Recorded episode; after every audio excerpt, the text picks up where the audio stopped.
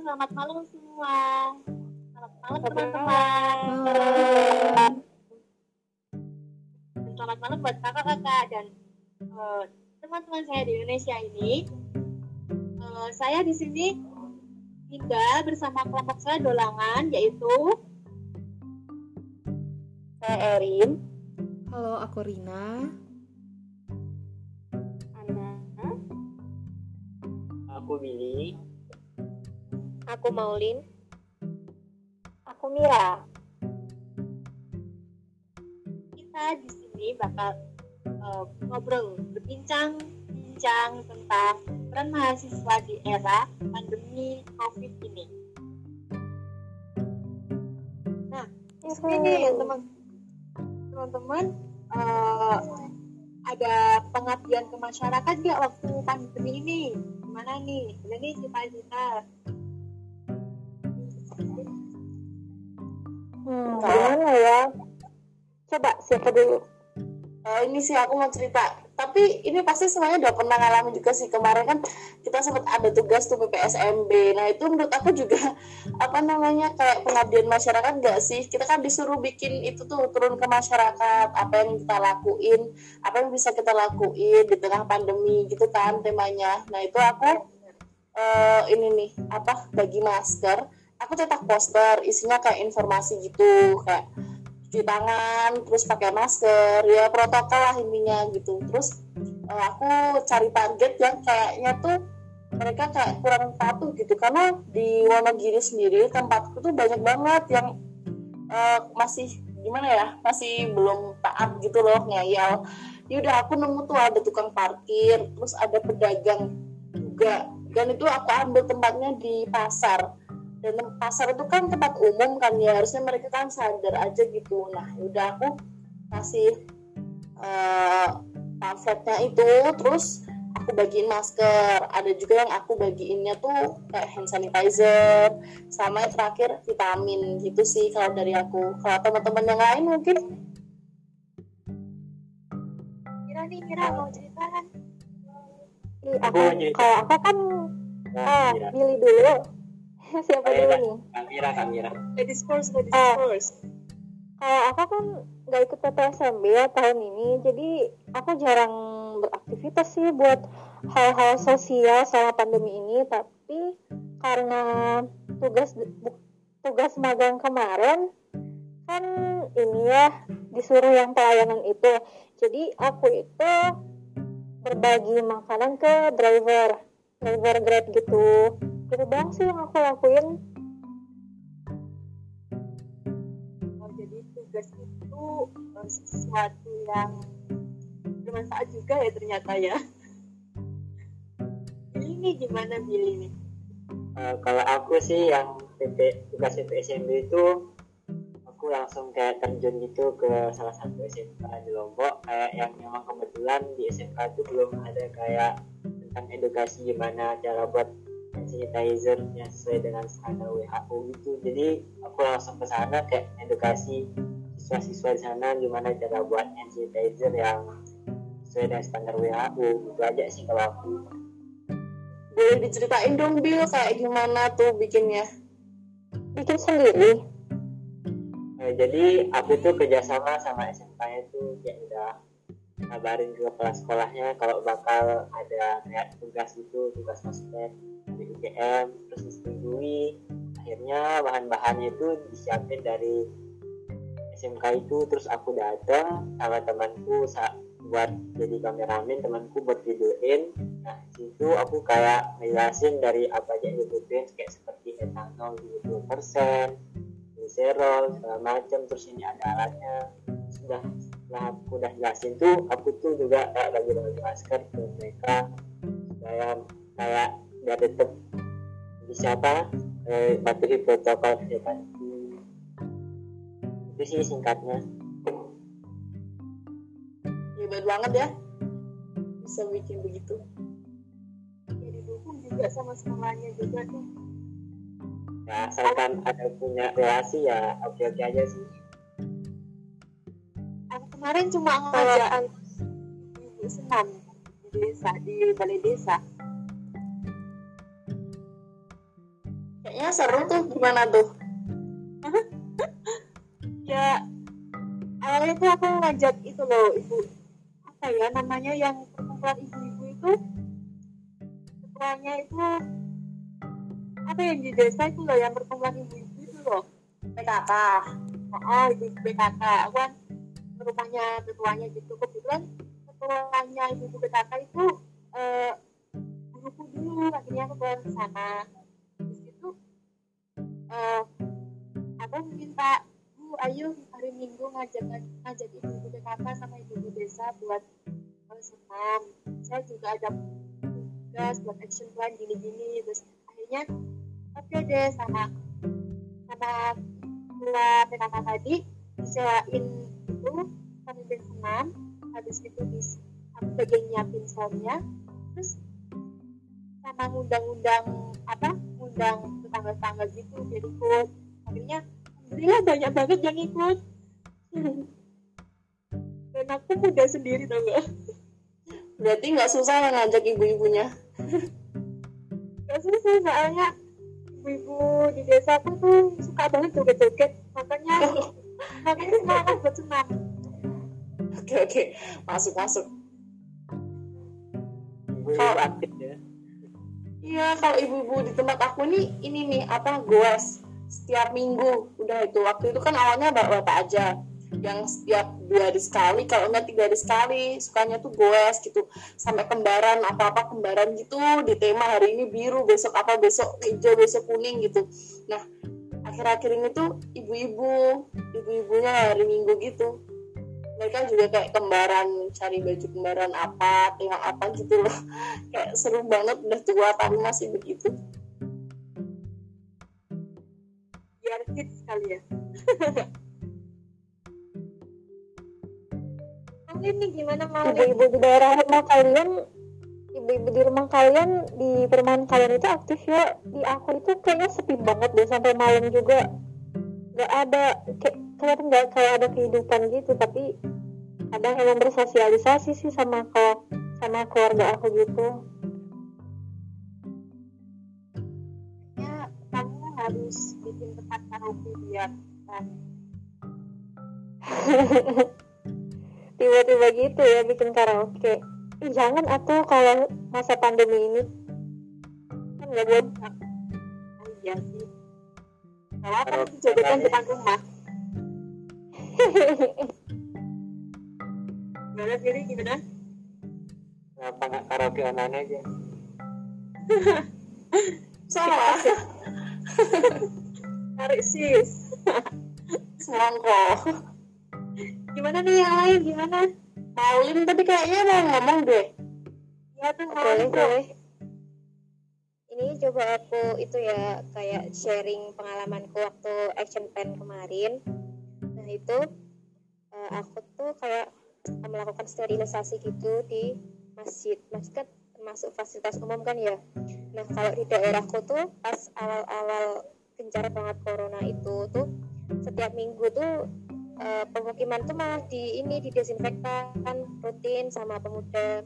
Dapat bantuan kayak yang buat desinfektan itu dari kelurahan gitu. Tapi itu malah kayak fasilitas umum kayak masjid gitu malah kayak perlewatan gitu loh. Nah aku tuh inisiatif gitu eh, buat desin- desinfektan masjid. Karena kan kalau masa pandemi gini kan apa apa dibatasi kan ya. Kayak yang awalnya jamaah dari luar desa tuh boleh masuk yang sekarang enggak. Tapi tuh kayak apa gunanya dibatasin kalau sterilisasi masjidnya aja tuh kayak nggak diperhatikan gitu. Terus ya deh aku desinfektan itu masjid. Sama mas ini sosialisasi kayak penggunaan masker yang benar ke salah satu masyarakat gitu.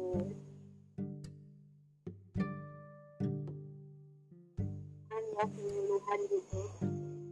Ana nih gimana Ana Oh, kalau aku kemarin tuh eh, kan kalau di desaku tuh masih banyak anak kecil gitu kan. Tapi sukanya tuh main-main gitu di depan rumah karena depan rumahku tuh lapangan gitu tuh mereka nggak ada yang pakai masker sama sekali. Ya udah deh waktu kemarin itu aku um, ah main-main sama anak kecil. Aku ajarin mereka buat masker tie dye. Jadi mereka senang buat pakainya. Udah deh. Berarti ini ya kebanyakan tuh problemnya tuh dipakai masker nggak sih? Oh, oh bener banget. Kayaknya di mana mana susah banget pakai masker. Kenapa kira-kira sumpah kali ya. ya sumpah. lain tuh kayak gitu kayak beda masker medis yang nggak cuma dipakai kelamaan terus kesadarannya emang rendah di beberapa bagian masyarakat itu. Nah, Kayak- sih banyak juga banyak kan awalnya. Kayak aku heran sebenarnya kayak ART aku itu dia pakai masker tiap di rumah aku pakai masker cuman maskernya itu dipasang itu cuma di mulut doang gitu. Pas aku tegur harusnya dipakai sampai hidung itu katanya ngap neng jadi mungkin masalah masalahnya itu karena ngapnya juga kali ya. Kebanyakan orang nggak pakai masker.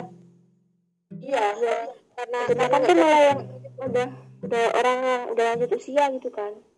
Udah gak mau pakai masker. Katanya tuh nggak enak Pertama tuh belum terbiasa kan. Katanya ayahku sama kakekku itu kalau udah terbiasa pakai masker tuh malah enak gitu. Soalnya nggak nggak kena debu, nggak kena polusi gitu. kalau di sini di sini tuh kayak misal kita mau keluar mau ke kafe atau ke mana gitu pada pakai masker tapi itu cuma kayak di jalannya aja gitu loh. Kalau pas sampai di tempatnya pas ngobrol sama temen tuh ya ya udah nggak nggak pakai. Kayak seakan tuh kayak nggak ada apa-apa gitu loh. Padahal kebalik loh. Nah, biasanya kalau di jalan kan kita nggak kontak tuh. Nah di tempatnya yang kita kontak harusnya kita yang pakai masker tuh pas di tempatnya itu. Iya, banyak juga kan yang pakai itu kayak masker scuba yang sebenarnya itu keefektifannya itu kayak rendah banget gitu loh. Terus masker medis yang masker medis yang harusnya cuma dipakai sekali tuh kayak dipakainya bisa tiga kali, empat kali, bahkan lebih juga kan. iya bener banget. Apalagi kayak waktu di awal masa pandemi ini ya kan harga masker pada naik-naik. Jadi orang tuh makanya kayak berkali-kali terus juga mungkin ada yang malas make. Terus ada juga yang pakai masker yang apa tadi? Scuba ya. Masker Eh, kalau menurut kalian itu mahasiswa harusnya ngapain ada sih di masa pandemi ini? Sebenarnya peran mahasiswa tuh nggak usah muluk-muluk. Ya sebenarnya kita kasih contoh untuk eh, kita tertib. Protokol itu menurut aku udah kita berperan berkontribusi di era pandemi ini gitu. Kita eh, kasih contoh kita ngelaksanainnya dengan baik terus kita bisa ngingetin aja gitu. Itu menurut aku eh, mahasiswa tuh kontribusinya juga udah ada gitu udah bisa dikatain kontribusi di situ menurut aku sih. Nah iya aku setuju. Terus juga kayak banyak yang bikin social project gitu enggak sih? Kayak kelompok magang kita nih ada social project buat menggalang dana buat yang membutuhkan. Kan karena selama pandemi ini juga banyak sektor yang turun gitu ya pendapatannya. Jadi mm, orang ada yang kekurangan lah serba kekurangan. Jadinya pa- pada menggalang dana buat membantu. Iya sama apa ini tuh eh, di perusahaan jadi tuh kakakku kerja di sebuah perusahaan gitu kan. Nah itu eh, beberapa karyawannya tuh sampai di bukan PHK ya kayak dipulangkan gitu. Jadi karena untuk mengurangi ini pekerja karena dari perusahaan sendiri udah kayak bisa dibilang kurang mampu gitu kalau buat eh, menggaji karyawannya yang sebegitu banyak. Dan itu juga bikin pengangguran kan penganggurannya kan juga naik gitu Tapi ini juga sih kayak tanpa apa nggak bisa dipungkiri itu kayak sosial media itu pengaruhnya tuh besar banget gak sih? Kayak kita sebagai seorang mahasiswa tuh bisa men- apa, membagikan informasi-informasi berita-berita yang tentunya tuh kita sebelum membagikannya tuh harus kayak tahu esensinya harus memastikan dan tanggung jawab akan kebenarannya. Kayak di sospro kita tahun ini kan kita juga kayak bikin konten-konten edukasi ke masyarakat tuh. Nah tapi kita ngadain donasi gitu-gitu. Bener. oh iya benar Kita kayak buat propaganda gitu loh. Di sosial media ngasih tahu ke penduduk ke masyarakat kalau pentingnya akan gunakan masker terus jaga jarak gitu sih. ya kayak gimana sih masker yang bagus dan baik juga? Perlu di perlu masyarakat tuh perlu tahu kayak gimana masker yang masker yang buruk soalnya banyak masyarakat yang masih belum tahu itu.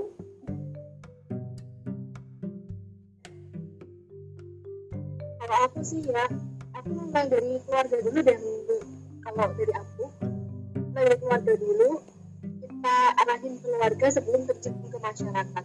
Jadi kalau ada ayah ibu atau kakak adik yang masih apa ya susah di susah buat pakai masker terus pakai masker scuba kayak ayahku itu terus kalau kalau keluar kadang sering nggak pakai masker gitu. Cuci apa jarang cuci tangan gitu. Ya kalau dari aku dari keluarga dulu keluarga, keluarga di situ nanti keluarga kan bisa ngarahin ke tetangga ke masyarakat gitu.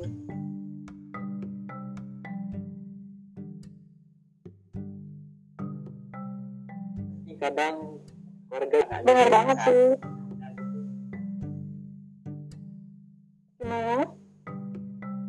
Jadi kadang kayak keluarga juga kadang nggak dengerin saran dari kita kayak yang penting pakai masker ya nggak pakai masker gitu. Dan kayak udah disuruh bisa pakai scuba itu tetap aja dipakai gitu. kalau dari keluarga aku sendiri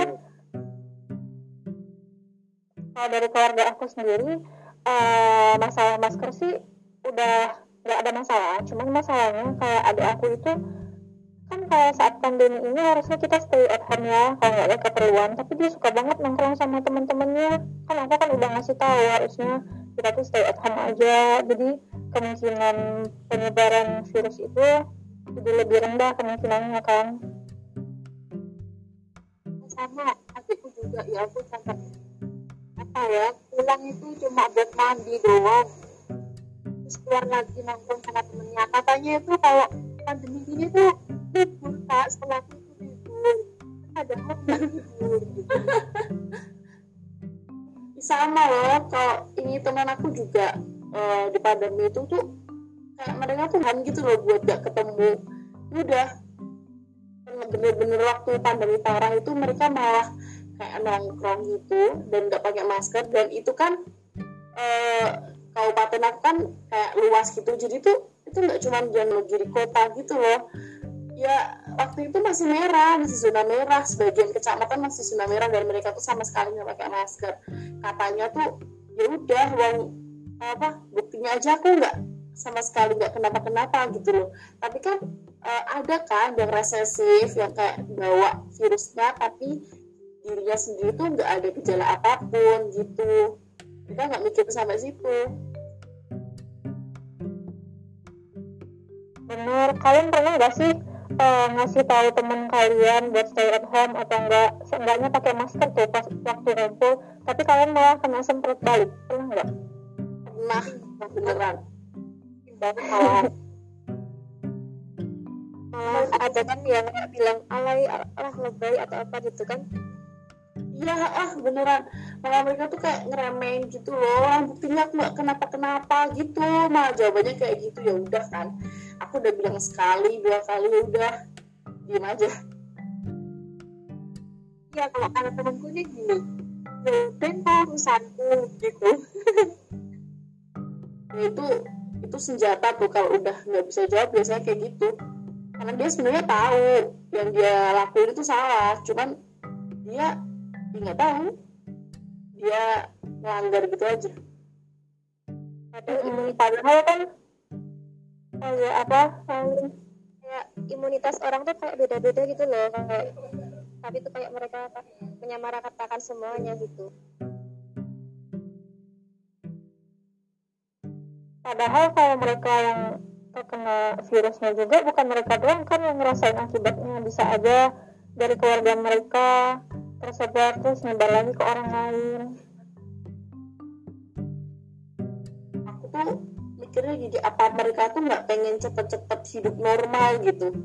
Kalau mereka kayak gitu kapan bisa reda bisa bersih gitu loh? Kan kita semua juga pengen kan sebenarnya ketemu sana ketemu sini ketemu teman-teman kita yang jauh ya. Kayak mereka nggak betah buat nggak ketemu ya sama. Tapi ya mau gimana bersihnya kalau mereka kayak gitu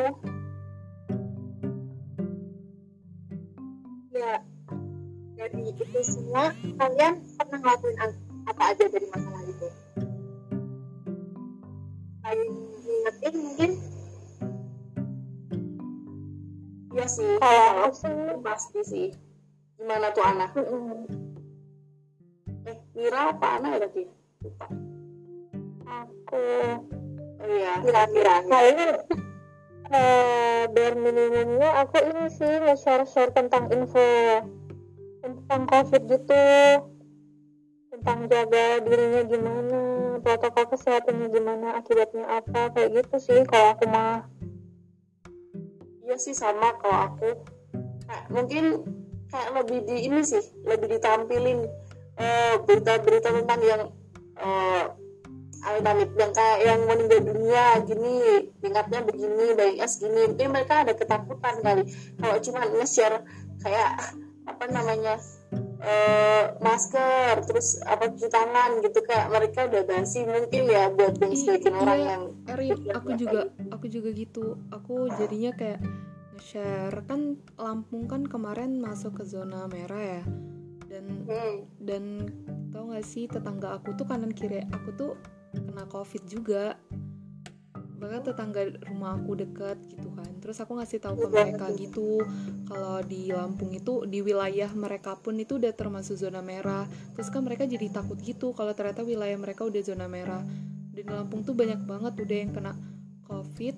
Bahkan jenazah-jenazah yang kena covid itu aja kayak udah ditolak-tolak gitu sama penduduk jadi nggak diterima gitu.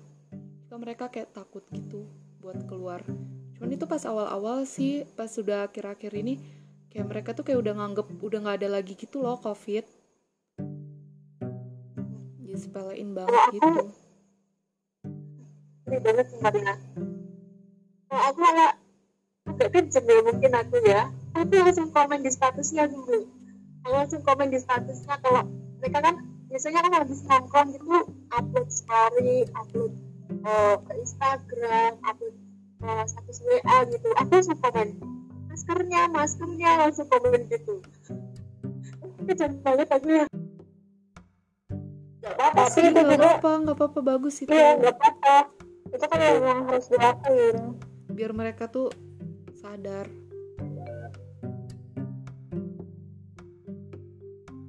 Ya kadang aku komen maskernya lupa terus ya maskernya kalau ditaruh kepala gimana? Kadang gitu juga. Jaga jarak jaga jarak ngebupin ngebupin mesti gitu. Padahal itu cewek-cewek. Mereka tuh juga pada pakai masker terus kalau udah ketemu tuh maskernya tuh nggak yang disimpan di tempat yang bagus gitu loh. Maksudnya di tas atau apa. Mereka tuh kayak nggak peduli gitu masker mereka langsung ditaruh aja di lantai. Terus nanti dipakai lagi dong sama mereka ya kayak sekedar cuman formalitas ya iya formalitas aja. Ya nggak peduli maskernya kotor atau bersih jadi kita harus sebagai mahasiswa harus ingetin terus ya. mahasiswa yang sadar lebih tepatnya ya. Kita harus ingetin terus ke teman-teman kita biar mereka sadar. Biar cepet offline ya ampun aku betah di rumah amin aku juga pengen banget apa kuliah oh, kuliah offline lagi. Tapi kalau offline makin susah tuh deh. Bener. Aku gak siap anak Hukumnya makin susah. Itu tapi nggak apa sih. Yang penting ketemu ya dulu jadi bandrong ya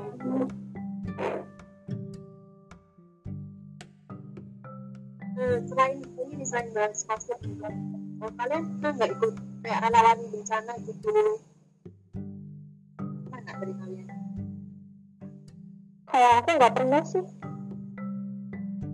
Ya aku baksos juga gitu belum pernah. Baksos gitu ya beda kalau bakso kayaknya. Beda. nggak tahu juga. Aku pernah ya waktu SMA dulu itu kan aku ambalan atau pramuka gitu. Terus ada bencana banjir tuh. Kan aku sedang di Mojokerto ada, ada, bencana terus. Habis itu eh, aku sama pembinaku itu disuruh ngumpulin dana disuruh, disuruh apa ya kayak kan biasanya biasa kan ya anak pondok itu jajannya banyak-banyak. Disuruh ngumpulin makanan-makanan gitu. Terus sorenya dibawa ke pengungsian gitu di sana terus filter air yang yang kotor jadi bersih gitu itu waktu kelas 2 SMA sih tapi kebanyakan kalau bencana bencana itu banyak apa ya mau terjun itu banyak takutnya ya Sa. soalnya kan nanti kalau tiba-tiba ada susulan gimana kalau tiba-tiba eh, apa sana gini-gini gimana gitu kan? Kalau dari aku izin orang tua yang paling susah beneran itu. Jadi kayak ada niatan hati pengen turun langsung gitu tapi dari orang tua udah bilang enggak ya udah enggak. Karena kalau nggak direstuin ya sama aja apalagi itu bahaya kan. Bener-bener bener soalnya aku kemarin juga mondok sih ya. Mondok nggak ketemu orang tua jadinya langsung berangkat aja. Karena utusan kiai juga sih. Jadinya kan kalau apa kata kiai harus di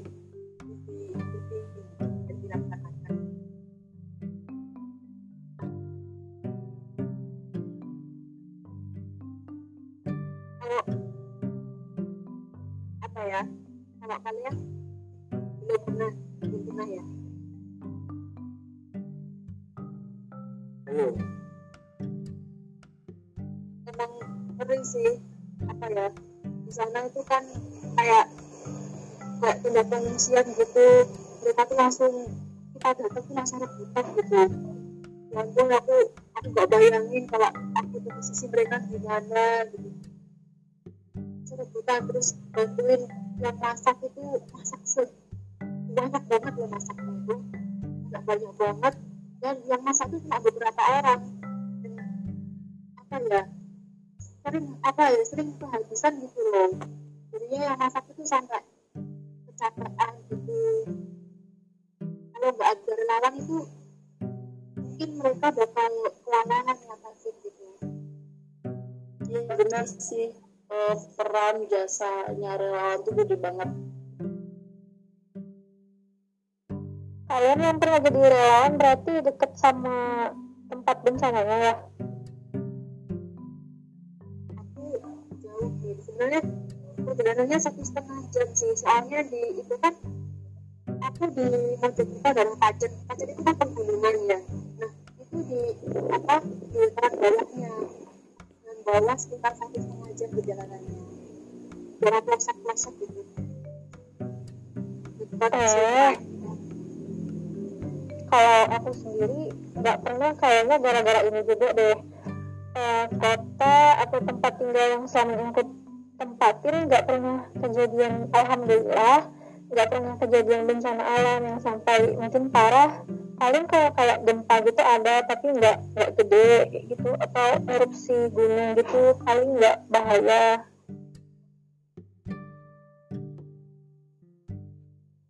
Itu di rumahku tuh mah kayak ini sering kebanjiran. Soalnya kan rumahku tuh eh, lima rumah lagi di sebelahku terus habis itu kan kayak sungai gitu. Terus kalau musim penghujan kayak gini tuh kayaknya tahun kemarin itu banjiran gitu. Terus aku cuma ini kan pada ngungsi di kayak balai desa gitu terus ikut bantuin kayak bikin makanannya gitu. banjirnya itu parah kemudian kalau yang tahun kemarin itu di rumahku tuh sampai sedada gitu. Oh, dalam banget dong.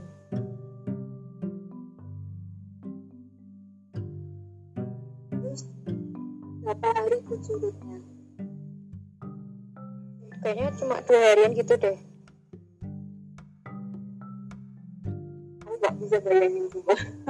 Teman pengalaman-pengalaman dari kalian dan sharing-sharing dari kalian itu keren-keren banget.